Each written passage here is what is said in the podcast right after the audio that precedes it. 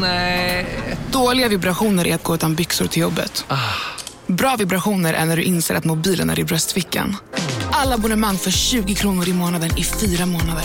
Vimla! Mobiloperatören med bra vibrationer. Ja, Hallå? Pizzeria Grandiosa? Jag vill ha en Grandiosa capriciosa och en pepperoni. något mer? Med kaffefilter. Ja, Okej, ses samma. Grandiosa, hela Sveriges hempizza. Den med mycket på. Den här podden är ett stolt samarbete mellan oss, Hanna och Amanda på Fredagspodden och Vitamin Well. Hej och välkomna till Fredagspodden. Du är på lite dåligt humör, Hanna. Urdåligt humör. Alltså jag tror att jag är en förtäckt bridezilla, Amanda. Vad menar du med förtäckt? Ja, men så här, jag verkar som att jag är så här, nej men jag ska gifta mig liksom jättesnart, men jag bryr mig inte, eller liksom jag är inte så stressad och håller på och hastar runt och fixar och donar. Utan jag är rätt lugn, men så är jag på så sjukt dåligt humör. Typ PMS eller? Typ PMS. Jag mår lite dåligt för att jag är lite nervös hela tiden. Och så är, känner jag mig jagad och stressad över massa saker som måste göras och som jag inte ska glömma. Och sen så är jag på väldigt dåligt humör också. Men då har du ju också så här typ tusen personer som arbetar med det här bröllopet. Alltså en koordinator, en wedding planner, en som bara gör praktiska saker och vad jag vet så är allt bokat. Ja men jag vet, allting är bokat. Men sen så har vi fått lite så här to-do-list och så. Nej men alltså jag har verkligen, du, du vet ju mitt kontrollbehov. Det är inte det. För jag har verkligen allting under kontroll. Det är mer nervositeten som gör det på dåligt humör. Ja, och jag tror också att det är så här, eftersom det är inte så ofta som jag drabbas av nervositet nu för tiden. Men det är så här, jag kan gå på gatan och bara känna så här, jag måste slinka in på närmaste tobaksaffär och köpa ett litet paket cigg. Hanna, det finns inte längre småpaket. Finns det inte det? Nej. Alltså du är så gammal. Ja, men jag har ju först en vanlig panna. Sen har jag två pannor till som är liksom som två skidbackar upp så. Jag känner mig som en rätt sorglig människa när jag går fem timmar efter att jag skurit mig i fingret och känner att döden är nära. Som en, liksom, en vit gammal binnikemask. Så såg jag ut. Festen är jag inte ett dugg nervös över. Jag är nervös över mitt eget utseende. Ja, men det är ju inget konstigt. Det är man ju när man ska gifta sig. Ja, men jag vet. Men det som jag, som jag har kommit på här nu, jag är i ett stadie som är ungefär som inför när jag ska föda barn. Ja. Jag har gått in i den här att jag nu bara vill så tok-googla andra människors bröllop. Förstår du? Varje gång när jag skulle ha, ha fått mina två barn då, då så här, två, tre veckor innan. Jag vill knarka på förlossningshistorier för att eventuellt kunna tänka ut hur det här kommer gå till. För man ska vara med om någonting som man inte vet hur det kommer gå. Nu är det här, alltså bröllopet, man kan ju tänka ut det lite mer än förlossningen. Men förstår du grejen? Att jag tänker så här, om jag då bara liksom så här är med i det här hela tiden och liksom håller på och hur, och hur det där kommer kännas och så. Det är som att jag förbereder mig för så här, nu roterar huvudet genom cervix. Det är liksom... Jo, men jag skulle inte förstått om du hade haft ett vanligt bröllop. Men eftersom ni ska göra det på vatten med en orkester som är sån här dansare. Sambaorkester. Nej, ja, men i vattnet ju. Ni ska ju ha sådana. Och ni ska själva stå på, på varsin sån här eh, ring. Exakt. Ja, men det blir nervöst då. Det är Jag fattar. Man kan ramla i. Alltså, det kan hända precis vad som helst. Nej, men jag ska ha ett vanligt bröllop. Men du förstår, men jag tänker också så här. Jag tror att det är ganska bra ändå att läsa folks bröllopshistorier. Alltså det låter ju helt sjukt. Jag hör ju själv när jag pratar. Men jag tänker så här, då kanske jag kan vara mer i nuet och verkligen uppleva det som jag upplever för att det är som att jag gör det här för femte gången. Liksom. Ja, du håller på och övar och övar. Sen har jag en annan sak som jag har tänkt på jättemycket. Du vet när du ska sälja en lägenhet så tänker man ju alltid så här, alltså det är ju nu vi borde bo kvar för att den är, har aldrig varit så snygg. Så känner du med dig själv? Ja men eftersom inför när man ska gifta sig, där pratade jag och bankis om igår. Då är det så här, man går på fotvård och ansiktsbehandling, man fixar håret och så här. Så att dagen efter bröllopet, det är då man kommer vara som snyggast och en vecka framåt tänker jag. Hanna, det är ju det som har hänt mig. Alltså att jag har ju blivit beroende av den känslan jämt. Så jag är ju jämt på fotvård och ansiktsbehandling, fixa hår. Man känner sig liksom oövervinnlig på något sätt. Nu kan man bara, det jag skulle kunna sätta mig på ett plan till New York imorgon och vara rätt good looking. Ja men det är det som är så härligt, men jag tänker också så här. För annars är det så att man håller på och pytsar ut, man gör naglarna någon gång. Man säger, nu maxar man ju på en vecka och bara gör sig så snygg man bara kan. Så det är det som är så otroligt härligt att bara göra alltihopa på en gång. Ja, men när jag bodde i Brasilien, jag skojar, jag har inte bott där, men alltså när jag var där lite grann, ganska mycket, när vi hade lägenheten där, då är det ju så att alla skönhetssalonger är fulla av kvinnor på fredagen. Men det är inte bara de rika, utan det är liksom alla. Och då sitter man och så gör man naglar, fötter och fönar håret samtidigt. Och så sitter har skittrevligt och pratar så här, för att man ska vara fin hela veckan och inför helgen. Jag, jag förstår det, att har man väl börjat med det så, så Ja, men då måste rätt. man ju fortsätta. Men jag ser det som liksom en extra bonus just att, att man fixar så mycket så man blir så här, man blir helt enkelt tipptopp. Om jag nu kommer bli det. Men då kommer det också bli så här som du Bankis bara, precis som när man vill sälja lägenhet, alltså de ska, så är den som finast. Så kommer det vara med er två. Ni är som finast för varandra också. Och då kommer man inte behöva... Eh, Skilja sig direkt. nej, precis, precis. Nej, men jag tror att det är, alltså det är väl viktigt med de här nerverna. Tänker jag inför bröllopet. Vet du, om du inte skulle haft det, då skulle jag bara säga så här, fy fan vilken jävla waste med bröllopet. För du bryr dig ändå inte. Nej men verkligen. Men alltså, jag tror faktiskt på det. Jag var på ett bröllop eh, en gång och där var det verkligen så att det kändes inte som de hade några känslosvängningar under hela kvällen överhuvudtaget, utan som att de hade så här mottagning bara. Men tänk om de hade tagit en betablockerare. Och kanske för många, för de var för nervösa. Har du aldrig tagit betablockerare? Nej. Alltså jag säger bara det så här. Ta inte en betablockerare, ta en sup om ni är nervösa. För att alltså då blir man lite så lugnare och man blir lite så skönare om man, om man har tagit en liten rackare. Men däremot om du tar en, en betablockerare så tar ju det bort alla liksom toppar och bottnar och liksom allt, allt, allt. Men du skrattar inte ens. Allting som man gör som man blir nervös över, det handlar ju alltid bara om de första fem minuterna. Så fort man kommit in där eller börjat prata och man känner sig lite säker, då kan man ju vara i det där och så skrattar man ju och så liksom, det händer massa bra saker i det där. Och man landar ju alltid någonstans. Har du en betablockerare i kroppen så går du ju bara in och sen så är det ju bara som en, menar, en filbunke du får inga rushes. För det är det som är när du blir nervös. Då är det så att det är liksom, du får hjärtklappning, blodet rusar till, alltså du kan bli röd i ansiktet, massa sådana saker händer. Och betablockering gör ju så att hjärtat slår lite, lite saktare. Ja, men jag vet, jag vet, jag vet precis. Alla politiker tar det allting. Men jag måste bara säga en sak om det här med utseendet på bröllopet. Att du behöver inte vara orolig över det. För att när jag gifte mig, jag har nog aldrig känt mig så vacker i hela mitt liv. Alltså jag kände hur jag strålade. Det är inte så ofta man känner att man strålar. Nej. Nej. Och jag kan säga så här, när jag tittar på bilder efteråt så är det, det är inte sant. Det var en av mina fulare dagar. Nej, fast det Ja, var men, inte nej, men det. Hanna, det är sant. Man har en skitkonstig frisyr och man ser så här konstig ut. Men det är bara det att man, för det första så känner man sig så vacker för att alla tittar på en på ett speciellt sätt. Mm. Och sen så är det en människa var tredje minut som kommer fram och säger du är så vacker. så att det är liksom, ja, när jag tittar på bilderna då hänger inte det ihop med min bild över hur jag kände mig. Alltså jag kände mig så, och grejen är så när jag tittar på bilder från kyrkan jag ser ganska konstig ut för jag ler och gråter samtidigt och så här, man bara gud, du vet fulgråt, alltså man är inte så himla snygg.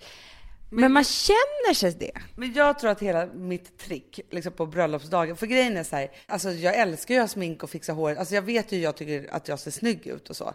Men jag tänker just med bröllopsbilderna, för jag har ju nu blivit övertalad av min wedding planner som jag nu har, att ha en superbra fotograf som ska dokumentera hela dagen. Alltså så här, kommer komma hit när vi gör ordning oss och liksom, ja men du vet så, som, så här klassiskt som de här bröllopshistorierna som jag knarkar på på nätet. En sån kommer jag själv ha. Liksom. Gud vad bra. Nej men jag tänker så här, ta kort på alla barnen och de fixar så att man har kvar det. Så kommer göra album efteråt också. Ja, nej ja, det kanske inte kommer, det kanske jag får göra själv. Men jag Men då kommer du aldrig göra. Nej, men då tänker jag så här att jag sparar dem bara på någon hårddisk och ger dem i present till Rosa och Vilma. För jag vet inte Hårddisken kommer om jag- förstöras. Men, jag vet, men okej, jag kanske trycker ut dem och gör album då. Men du förstår min tanke att det är så här, jag kan, själv kanske bara vill ha kvar minnet av hur jag såg ut och hur det var alltihopa och inte vill se det på bild.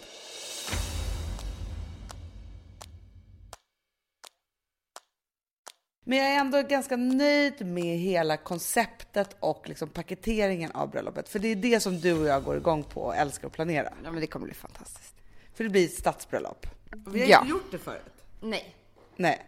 Vi har ju mer gjort eh, lyxlantligt vid havet. Eh, Du förstår att jag läser så här. Och sen har vi gjort ett rustic bohemian farm wedding. Jag är med Ja, Eller hur? Och det här blir ju city bohemian chic wedding. bra. Tror du inte? Jo. Du nu som är liksom närstående i det här bröllopet och du ska ju ändå vara tärna och alltihopa så här. Hur känner du dig? Eh, nej men det känns ju som även jag ska göra ett stort framträdande. Det, för det är, det är precis vad bröllop är. Om man är med i själva brud eller brudgum eller liksom tärna eller marskalk eller bästman så gör man ju ett framträdande. Och det är inte så ofta man gör det för så här många människor som ska liksom titta på en eller man ska prata framför folk eller så här. Ja men det, det är så, jag är nervös för det. Så du är ändå nervös? För jag tänkte att du var så här, ja men det är om ett par veckor och, och visst klänningen är klar och alltihopa så här och sen så typ så här dagen innan kanske. Nej men jag låtsas att det är om ett par månader.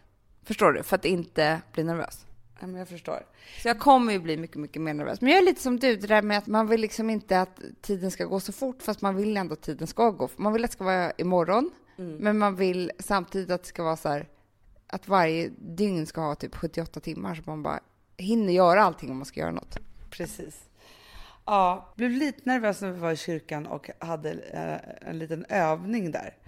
Eh, att det var så himla varmt. Kanske svimmar. Nej, det tror jag inte. Man gör ju inte det när man har så här mycket Jag kanske får adrenalin. syrebrist. Alltså jag har också en väldigt tajt korsett på mig under klänningen. Ja, men då kommer jag göra som jag har gjort med alla jag har varit här nu till. Då lägger man små, små godisar i blombuketten. Jaha, som man ska äta. Då tar man upp det om man skulle känna att man säger gud jag håller på att svimmar. Så man får lite socker. Åh gud. Hur många bröllop har du varit tärna på? Massor. Eller hur? Du, har varit, alltså du är som hon, den här 21 dresses, eller vad det heter, i den filmen. Som bara varit tärnad liksom hundra gånger. Ja, jag börjar bli tärnad nu för andra gången till alla också. Alltså för, och det är ändå ett gott betyg att man hänger kvar. Men det är en av mina favoritgrejer faktiskt att vara i livet. Ja, men det är ju Så ring underbart. mig om ni känner att ni vill ha en till tärna.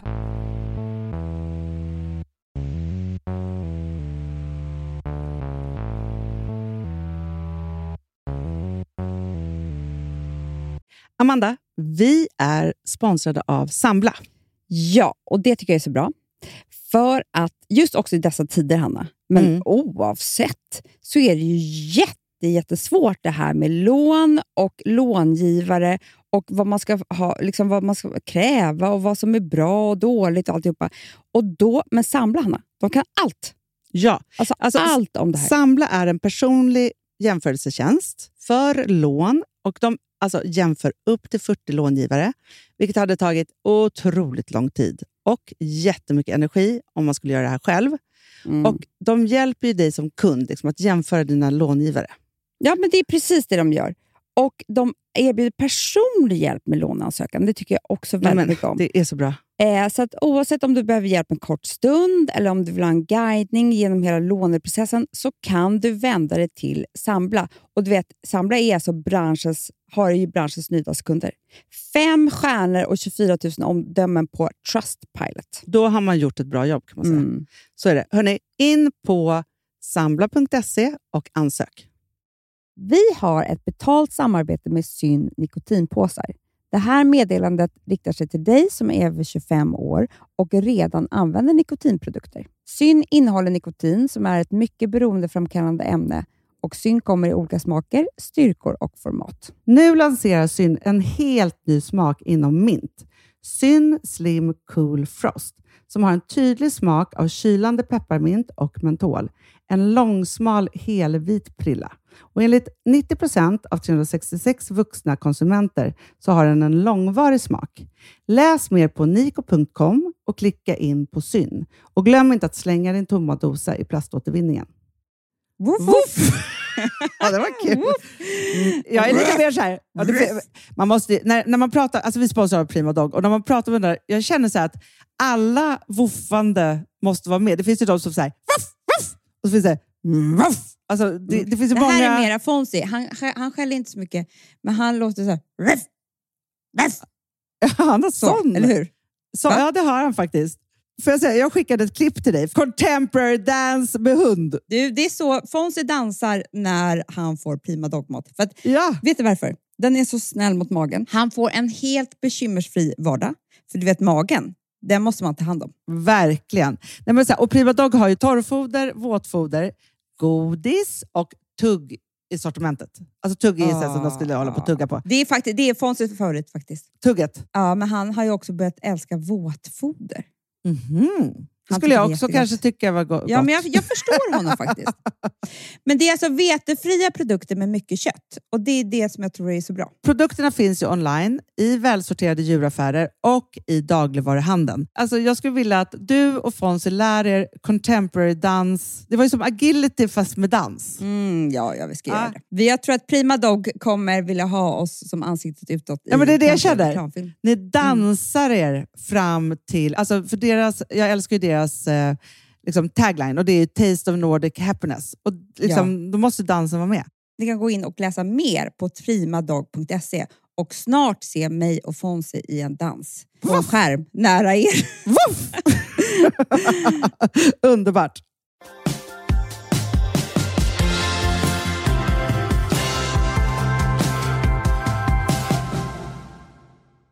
Igår så stod jag och skulle skära en brödbit. Tog i allt vi hade. Det var en sån här brödstump eller vad man ska säga. Och skar mig istället i fingret. Jag var ensam hemma med bebis. Liksom. Och du vet, man skriker högt och fortsätter skrika. Och det blöder och man blir så här, benen blir liksom svajiga. Och, alltså, för att det var nä- liksom nästan ner till ben. Alltså förstår du? Det gjorde skit, skit, skitont. Sen var det inte så farligt ändå. Ah, man skär sig i fingret. Så. Men jag förstod sen, efter några timmar, att jag fortfarande var skakad av det här. Varför då?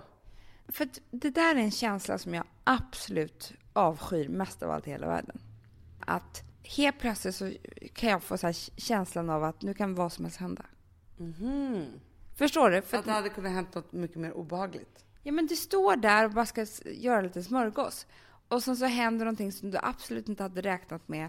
Som gör ont och lite farligt och det är blod och så här. Då känner man så här, men gud, nu händer det här. Jag hatar när livet blir sårbart. Det är det värsta jag vet. Och samtidigt då så ringer Alex och bara, usch har du hört vad som har hänt med den här tvååringen? Ja men gud, alltså Amanda.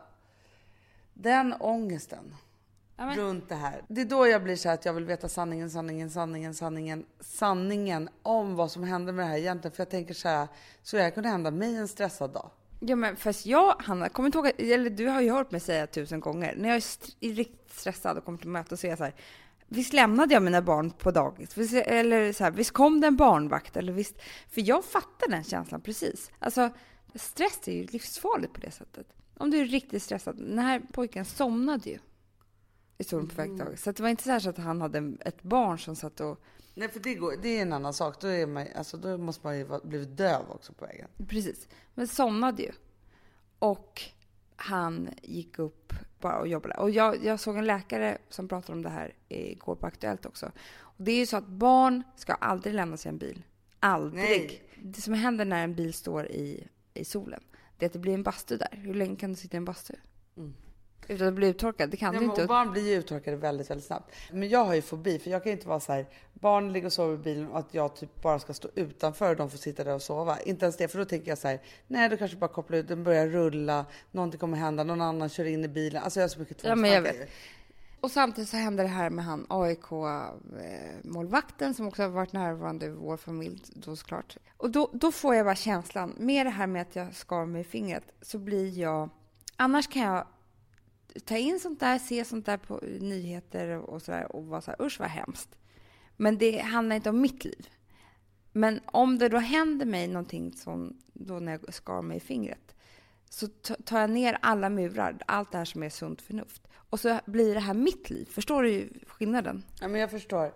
Det är ju väldigt alltså mycket så egentligen, att våra tvångstankar nog gör oss till mycket mer vaksamma människor. Att dubbelkolla allt det där och att man ska göra det. Och är man då lite stressad och lite suddig i hjärnan så här som du och jag kan vara ibland. Alltså när det är mycket så liksom så. Där, det kanske är därför vi måste ha extra mycket tvångstankar. Det kanske är någon som har liksom sett till att vi har det för att vi just inte ska glömma barn i bilen. Ja, det kanske är bra. För jag tänker också det där sårbara nu som du tar in i ditt liv. Det är ju också en form av tvångstanke, att du tar ner det. Alltså att det blir så att det kan hända dig och du måste liksom säkra upp ännu mer. Du måste kolla barnen, att det liksom så här kommer så nära. Man får bara ta in det som en bra grej då. Men du förstår också att jag känner mig som en rätt sorglig människa när jag går fem timmar efter att jag skurit mig i fingret och känner att, att döden är nära. Om du hade skurit i- i fingret en, en annan dag och inte hade liksom blivit så här känslosam runt det, då hade det varit på ett sätt. När det händer sådana saker och man råkar vara lite extra skör, det är då det ju kommer till, alltså inte kommer till en, men det tar en. Förstår du vad jag menar? Ibland är man inte mottaglig för det där. Men nu var det ju mycket, det var den här AIK-pappan, för det var inte bara att han var liksom en, en målis i AIK, utan han var ju också pappa. Han hade fått tvillingar precis. Hans eh, fru väntade ett barn till. Våra män är väldigt engagerade i AIK. Det blev liksom, allt blev väldigt, väldigt nära. De var ju som att en familjemedlem hade dött. Och då kändes det ju som att så här, han somnar in och vaknar inte. Alltså som att va, precis vad som helst kan hända. Jag hatar den känslan. Det är kanske är den känslan jag hatar mest av allting i livet. Jag tror att den känslan kan ju vara fantastisk åt andra hållet. Att ett mirakel kanske står bakom dörren. Men för övrigt tycker jag in i fel lägenhet. Amanda. Jag känner så här att jag kanske inte kan träffa mina grannar något mer. Det är det sjukaste. Jag dundrade in här våningen under och bara Hanna, vad har du gjort om i hallen? Sjukt också att du tror att jag har så här smygrenoverat och inte sagt det till dig. Men det är typ, sätt. nej men jag tänkte, vet du vad jag tänkte också Hanna som är så sjukt, men det kan inte jag säga till Bankis. Jag tänkte så här, Bankis har tagit bort hans hög och nu ser jag golvet. I hallen? Man vet aldrig. Nej, utan de hade lite fräschare där under. Ja, och så kommer en stackars man ut från duschen och bara, hej vem är du? Jag hade tagit av mig skorna och allting. Vad sa du då? Jag ska upp till Hanna? Eller mörkade du bara det här? Han bara, vad ska du? Jag bara, jag ska en våning upp. Eh, han var hälsa dem. Ja, men han är trevlig. Men ändå tur att det var han, för vi, alltså på andra våningen här så bor det ju lite mer känsliga människor kanske. Gör det? Ja. Och läskiga. På men gud. På tal om grannar så satt vi åt vår första middag på balkongen. Åh, vad mysigt. Ja, men det är mysigt. Men du vet, det är typiskt oss också att göra det. Det var ju svinkallt, men vi hade minsann bestämt oss. Alltså jag hade raggsockor, vinterkängor, vi hade köpt infravärme. Alltså vi körde och fem filtar liksom. Och Alex ville gå in efter ett tag. Jag bara, nej, nu är inte du kär i mig längre. Men började För att du, liksom... när man är kär och dricker vin, då kan man sitta i minusgrader. då blev jag så rädd så då satt han kvar. Men hur som helst så älskar jag att se på andra grannar. Satt det flera människor ute på balkongen då? Eller det tittade ni in genom Vi fönstren? tittade in genom fönstret, vi satt och tittade på några. Men det var inte så många som satt ute, men de var ute ett litet tag innan. Men det är ju en av mina favoritsysselsättningar i livet. Det och titta på andra familjer på hotellfrukostar. Ja men det är underbart. Alltså man vill ju bara fantisera loss om hur de har det. Och jag har ju min favoritställe, det är ju, för jag har ju inte så mycket grannar att titta på här. Men de som bor mitt över gården, de har ju balkonger så de har ju stenkoll på. Ja, det är så roligt. Men då kom jag också på en väldigt rolig grej var när jag och eh, min kompis Lina satt på hennes balkong. Det var några år sedan och då ser vi att mitt över gården, fast inte så långt, så sitter liksom ett tjejgäng som vi är lite bekanta med. Men alltså, det är inte våra allra bästa vänner, men det är ändå vänner. Och de har haft en tjejmiddag på deras balkong. Och då vet man ju att på tjejmiddagar, ja, det snackas ju en del. Verkligen. Ja, och det är ett riktigt sånt snackigt gäng. Så vi kan inte låta bli. Så vi bara efter ett tag, vi bara Hej, hej! god natt, god natt! Då blev det helt tyst. Och man kände ju hur varenda tjej som satt där bara tänkte så här, vad fan har jag sagt? Vad har jag sagt under den här kvällen?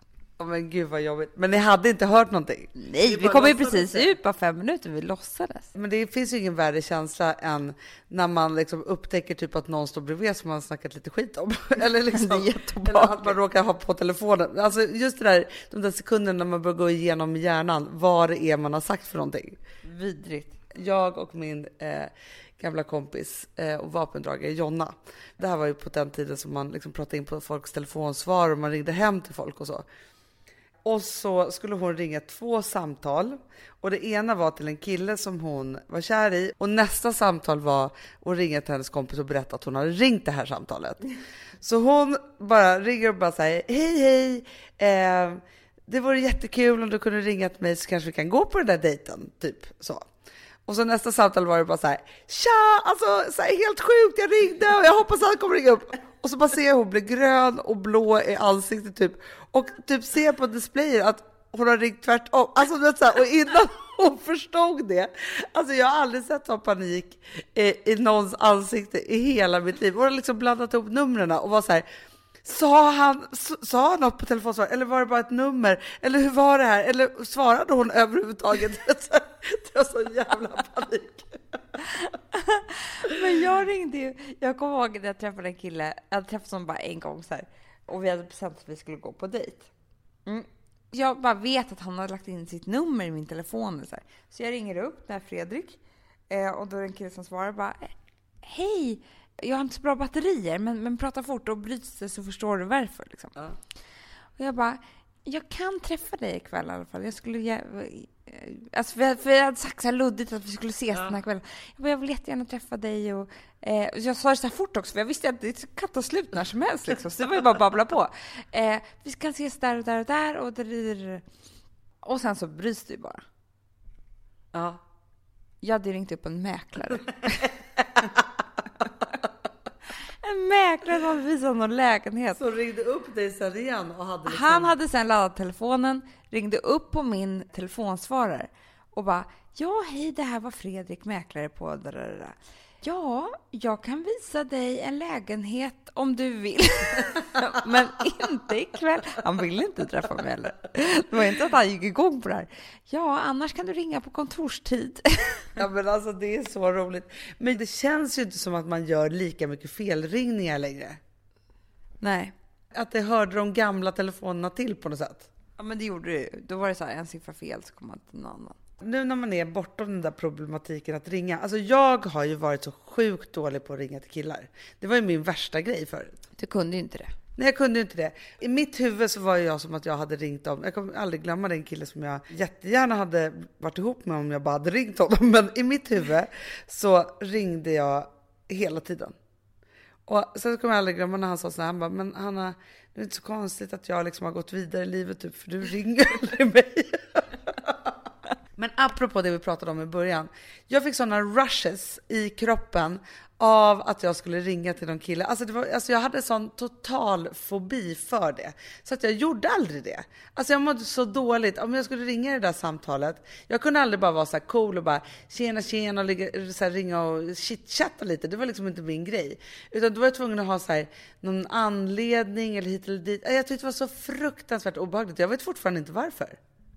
Nej, fast det kanske skulle fortfarande hända dig om du och Bankis skilde er och du skulle träffa en ny. Ja, men jag vet ju så här, när jag precis hade träffat Bankis, då läste jag den här boken Hemligheter som vi har pratat om tusen gånger förut, men som är grym. Och då finns det en övning där som heter tvärtom-övningen. Eller den heter inte det, men den går ut på det. Och då är det ju så att man ska, så fort man får en impuls av att man vill göra någonting med den man precis har träffat, så ska du göra precis tvärtom. Och min impuls var ju alltid att så här, komma undan lite och skicka ett mejl eller ett sms, varför jag bestämde mig för att jag skulle ringa till honom. Och gjorde det.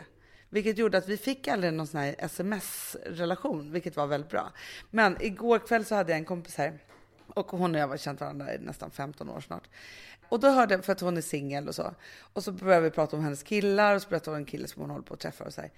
Och då hörde jag på henne så att till slut bara så här efter en timme, jag bara, men du, du måste ju sluta smsa och chatta.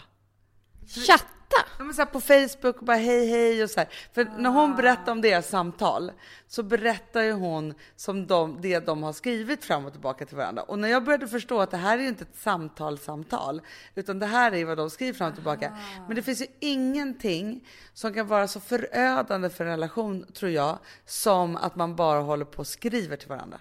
Nej men det är fruktansvärt, för att man kan ju gömma sig bakom skrift på ett helt sjukt sätt, eller tvärtom.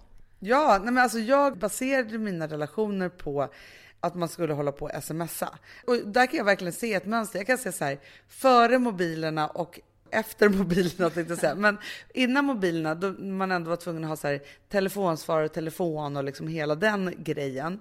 Ja, men då var jag en ihop-tjej. Aha. Alltså jag blev ihop med min första kille när jag var 18 år. Och så var jag, alltså så här, För att jag flyttade hemifrån och så. Och så var jag ihop med honom ungefär precis tills jag fick min första mobiltelefon. Och då hade jag liksom ju ungefär så här fem stycken singelår. Det var alltså mobilernas fel. Nej, men så här, efter så tänker jag så här, men då var det som att så fort jag fick en mobiltelefon med sms-funktion så var det som att jag kom undan och aldrig behövde komma nära. Aha, Och det var, det var perfekt för, för din skada. Alltså jag har inte tänkt på det. Jag, jag, nu kommer jag på det här samtidigt som vi pratar om det. Men nu när jag säger det till dig, visst låter det inte så konstigt? Nej, det var förödande för dig kan man säga. Alltså, det var inte bra för dig. Du kom undan, men då behövde du aldrig ta steget till att vara, vara nära. Nej. Och i mitt huvud så kunde jag ju ha ringt då och varit jättenära hur mycket som helst för att jag smsade och underhöll någon kontakt. Men jag var ju aldrig där på riktigt. Nej, det kanske ligger något i det. Gud vad konstigt. Så jag säger bara det så här. När man träffar någon ny som man tycker är jäkligt härligt. Alltså visst, man kanske slänger iväg ett första sms eller någonting sånt. Men sen så fort man varit på första dejten och man känner så här, men det här vill jag ska bli lite mer allvarligt. Ring då. Ja, det är bara att ringa. Det är bara att ringa. Jag förstod inte alls det här, men vi är lite fegare människor. Du älskar att ringa upp och bara, hej det är Amanda. Ringer hej vilt. Jag ringer var tredje minut. Hej, det är jag igen. Om du inte ringer mig nu, då förstår jag att du älskar mig. Eller? Älskling, älskling. Alltså, den jag härmar nu är Amanda förr i tiden. Det tycker jag är så skönt att du och Alex inte pratar med varandra på det där sättet. BB-språken. Ja, men jag har sagt det förut, att det är det som jag tycker är, eller förstår att du och Alex har en bra relation för dig, för att ni pratar med varandra som normala människor. Och alla dina andra killar har du alltid liksom pratat bebisspråk med. Skulle han bjuda upp till en liten BB-språkvals, då skulle jag hänga på på en gång. Ja, men jag vet, du älskar det. Gullis. Du har kallat dina killar för olika saker. Pysi, mysi, plussis. Exakt. Det är tur nu, när, fast det är kanske är det.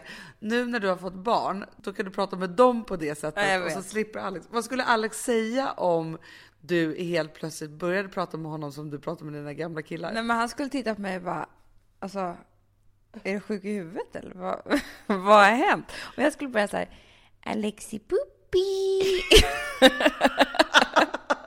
men då skulle han ju tro att jag pratade med Frances. Exakt.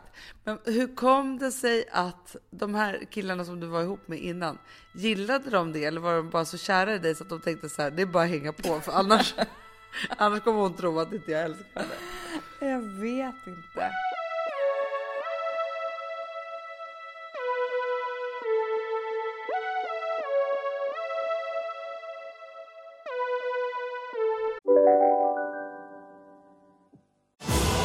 Välkomna tillbaka till Sibylla där sportbörjaren nu laddar för mål. Otroligt taggad och toppat formen med stekt lök och dubbel cheddarost. Det här blir en riktigt god match! Sportbörjare, ett original i godaste laget. Från Sibylla. Om en så vidde på väg till dig för att du råkar ljuga från kollega om att du också hade en och innan du visste ordet av bjöd du hem kollegan på middag och... Då finns det flera smarta sätt att beställa hem din sous vide på. Som till våra paketboxar till exempel. Hälsningar Postnord. Hej, Synoptik här. Så här års är det extra viktigt att du skyddar dina ögon mot solens skadliga strålar. Därför får du just nu 50% på ett par solglasögon i din styrka när du köper glasögon hos oss på Synoptik. Boka tid och läs mer på synoptik.se. Välkommen! Hörrni, ni vet att vi har släppt en kokbok? Ja! Nej men köp den! Den heter Magisk sommar. den är magisk.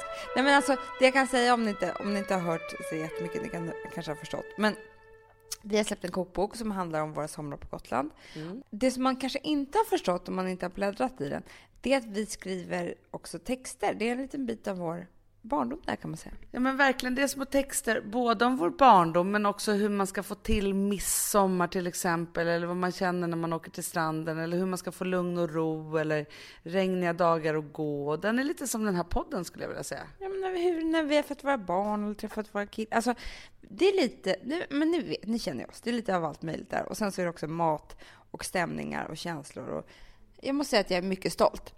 Men jag tänker också så här, alltså nu är det en sommarbok och vi har ju tänkt så här, det är alla recept som man behöver för att klara sig en sommar på landet. Men jag tänker också så här, det är alla recept man behöver när man precis har flyttat hemifrån. För det är så enkelt. Om man verkligen vill börja laga mat så ska Ja. man laga den maten. Verkligen. Och om inte så kan man köpa den för att det finns en bild där i som är helt sjuk. Vi kallar den för eh, När botox gick fel. Nej, jag skulle vilja säga att vi kallar, för om vi nu har kört cellulit 2013, då skulle jag vilja kalla det här för botox 2025.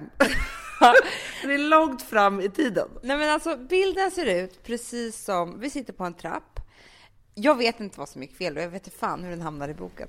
För att vi tyckte så illa om den. Men skitsamma, nu är den där och det är bara kul. Det ser ut ungefär som vi är 45-50 år, har tagit en del sprutor för mycket av botox och... Vi har gjort fillers också tror jag. Ja, Alltså, fillers kanske man, man, när man har liksom på, vad heter det, eh, käkbenen fyllt i så att man har fått liksom lite puffigare kinder också. Ja, vi ser inte kloka ut i alla fall. Eh, så att ni kan köpa den bara för, för att skratta. Hur som helst så sitter vi och ska, vi ska fira det här i alla fall. Vi har en bokrelease och vi sätter oss på Sturehof. Och jag och Hanna, vi är inte så bra. Du och jag är inte så bra tillsammans när vi börjar dricka med andra och så vin. Vi blir väldigt fnissiga och interna. Och, Du och jag tillsammans med en flaska vin, alltså det är ju hur bra som helst, vi skrattar ju ihjäl oss. Men för andra människor som är med oss så blir vi för interna. Det blir det inte är så det jag menar. Vi dem. blir, vi blir puss fast inte så. Men alltså det är väldigt exkluderande för, för alla andra. Alltså vi, vi fnissar. Vi är fruktansvärda känner vi jag är nu. hemska. Ja. Men hur som helst har vi väldigt kul och folk lät ju oss vara för att det var vår bok release Så ska vi i alla fall ta ett kort på oss själva till Instagram. Upptäcker något fruktansvärt.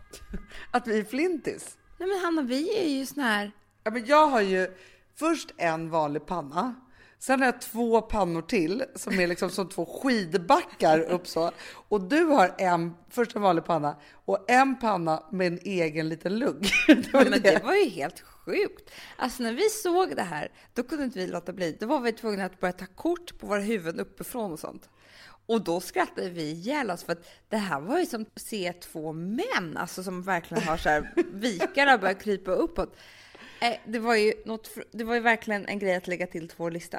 Verkligen hårfäste 2013. Det är det vi har lagt till. Och jag måste bara säga att jag älskar alla era saker som ni har lagt till. Och varje gång jag ser någon det stod, alltså jag skrattar ihjäl mig när det var någon som skrev långa bröst 2013. Kände jag så här, för fan vad jag är rätt och inne. Men jag Alltså, också! Mina små taxisar. Alltså det är underbart. Alltså skriv mer. Jag vet inte hur vi ska samla allt det här. För jag bara känner att det är som en boost. Jag skrattar och alltså hade inte vi gjort det här innan, då hade inte jag skrattat lika mycket åt hårfästet 2013. Nej, det är inte bara självförtroende-boostande och att jag liksom faktiskt hela tiden tänker på det här och att jag bara ska så här, verkligen som en affirmation om och om igen hur nöjd man ska vara med sin kropp. Det är som att ha blivit så lycklig med sin kropp. Ja, men alltså, jag skulle, min dröm Hanna, det är att vi alla skulle samlas, alla tjejer som har gått igång på det här, på typ Gärdet. Ja. Och sen så, så har vi en liten scen och så får man gå upp och visa. Det som man är absolut mest stolt över, fast det är då liksom... Kan vi inte ha också så här olika skyltar så här, som en som det, där det står alla de här olika sakerna. Så där man känner sig mest hemma, där ställer man sig. Jo, som grupper! och sen går vi upp på scener tillsammans och bara liksom visar upp oss. Så visar man upp sig och så applåderar alla. Och skriker Underbart. woho! Ja. Långa brösten! Det är underbart tycker jag. Och så bara så, här, så skrattar man åt det. Ska vi ha sån här eftersom vi kommer vara många, så kan man också ha så här förstoringsglas med så här skärm uppe så man ska visa cellulyterna. Underbart! Ja. Så är det. Och sen så är det så här, kan du räkna hur många så kanske man vinner ett jättefint pris. Alltså. Exakt. Eller den som har flest vinner. Ja, precis. Det ska ju bara vara så. Ja, ja, ja. Men jag tycker att vi har kropp 2013 award. Ja, men alltså.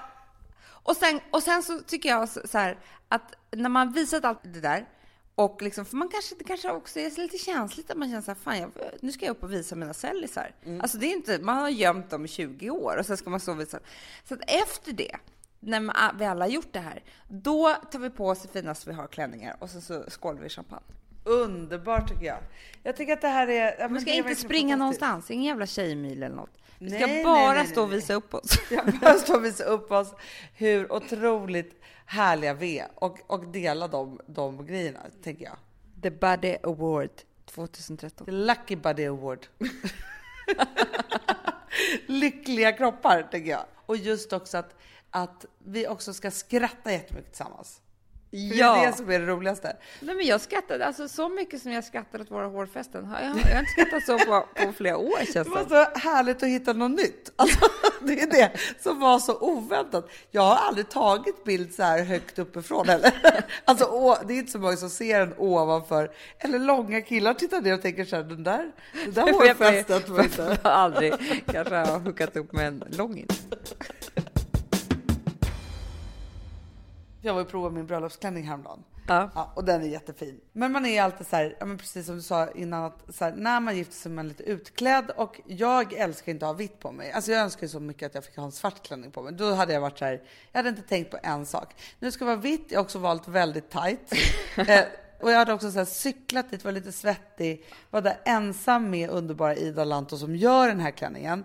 Men, och hon är supergullig och så här, men hon var ju helt förskräckt efteråt för jag var, var så ful och svettig och liksom så. Så jag kände mig bara som en korv i det. Jag hade ålat i mina korsetten. Du sa såhär, Amanda, jag är en vit jävla korv. Hur ska det här gå? Som en, liksom, en vit gammal binnikemask, så såg jag ut i klänningen. Nej, men så.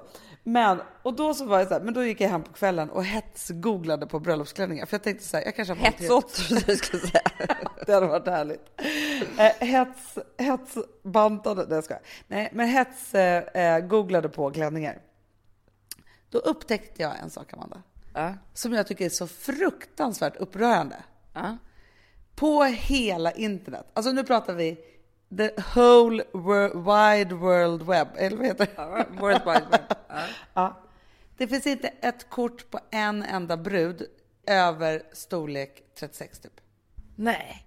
Nej men alltså så här, på hela Pinterest, på alla bröd, det är så här, det är aldrig någon som, som är lite kurvig som någonsin verkar ha gift sig. Nej, men för det är roligt, för jag följer också den här Delaine som jag för sig älskar. Men det är ju så att alla brudar är ju inte ens 36, det är 34, storlek 34 tror jag. Size zero. Ja, inga tuttar heller. Nej. Inga cellisar. Nej, nej, nej, nej. Och ordentliga hårfästen. men också har de ju ofta så här långa halsar. Har du upptäckt det? Ja, ja, nej men alltså det är ju som vinthundar till kvinnor som har de här klänningarna. Precis så. Ja. Och det är ju otroligt vackert. Alltså, så, men, så här, men det som jag tror blir fel är så här, jag har ju då hållit på och tittat på internet och bara så här, tittat på jättemycket brudklänningar och så vidare. Så här. Kommer då sätta på min egna klänning, titta med spegeln och bara så här, nej men det är fel. Alltså alla ser ut så där, så ser inte jag ut. Och då tänker jag så här, hur det kan vara så konstigt. Verkligheten ser inte ut så. Nej, vi ska lägga... Ja, Hanna, jag kommer lägga upp bild på dig på Pinterest. Men du, och jag vill ha alla bilder på alla andra kvinnor för att jag tänker så här, är det så att man liksom då inte lägger upp sin bild om man inte är en sån här vindhundskvinna? Men, och då så tänker jag också så här, för att jag såg ju den här fruktansvärda filmen Möhippan. Ja. Ja. Och Pinterest är väldigt här, amerikanskt på många sätt, särskilt på, på bröllopsbilderna, alltså i det kvarteret på Pinterest. Ja, men I den, när man söker på den kategorin så är det väldigt så här, amerikanska bröllop som är där. Och den här filmen Möhippan då, den handlar om en tjej som skulle gifta sig och hennes tre tärnor. Och de här tre tärnorna var så här, små perfekta tjejer liksom. Och hela plotten i den här filmen är helt sjukt att det är hon som ska gifta sig först för att hon är jättetjock. Va? Ja, men den är så här, jag tänkte så här, gud vad härligt med en rolig film. För jag hade också så här, läst en tjej som jag följer på internet med hennes blogg, att hon bara älskar den här filmen. Och för mig så var det här en fruktansvärt mobbingfilm. Jag kunde knappt se klart den. Men, och då tänker jag också så här, hela bröllopsgrejen på internet kanske är uppbyggd så för att det är de amerikanska bröllopen som rular där. Ja, Förstår det måste, du? det måste vi ändra på. Ja. Det blir nästa steg i allting annat som vi gör. Verkligen. Så jag säger bara nu så här. Jag i min tajta bindekemasklänning, nej men den är fantastisk. Den är supertight. Från och med nu, Amanda, nu lovar jag dig en sak. Mm, lova mig nu. Så kommer jag bara känna mig i den här klänningen som att det är så här. Det är självklart att jag har valt den tajtaste, vitaste klänningen på jordklotet för att jag ska visa mina härliga kurvor. Underbart! Det tycker jag är en mycket bra idé. Verkligen. Då bestämmer vi det. Mm. Och det blir ingen maräng här. Nej. Nej, det blir en mask. Det blir en mask. Nej men så tänker jag, och då tänker jag bara så här, för det måste man också att så här, man väljer en klänning och så, så sätter man på sig den och sen köper man bara hur den är och har kul i det istället för att oroa sig för att det kanske vore fel val. Verkligen. Det tycker jag är så bra, Hanna. Men du, då tycker jag vi går vidare i livet. Och eh, det är helg nu. Ja men det är det verkligen. Och det är så mycket konstiga dagar och helger nu som man blir Ja, helt jag mår, daglig. jag, jag mår, mår illa av det, tänkte jag säga. Jag tappar fotfästet. Men jag ska försöka njuta nu och vi ska åka till Kolmården. Ja men det är ju underbart. Vi skulle ju då ha åkt den här helgen till Gotland. Mm. Det hade varit underbart. Mm. Jag också. Men nu har banken nu blev bara det inte sagt så. att vi ska ordna saker för bröllopet och nu så får jag bara skärpa mig och inte åka någonstans innan vi har gift oss. Mycket bra. Och gå här och må dåligt. Ni vet att vi älskar er. Verkligen. Mest av allt. Underbara människor. Gå ut i solen nu och sola era celluliter. Mycket bra. Och långa brösten. Låt dem hänga fritt och dingla. Och ha en underbar helg. Puss och kram. Puss puss.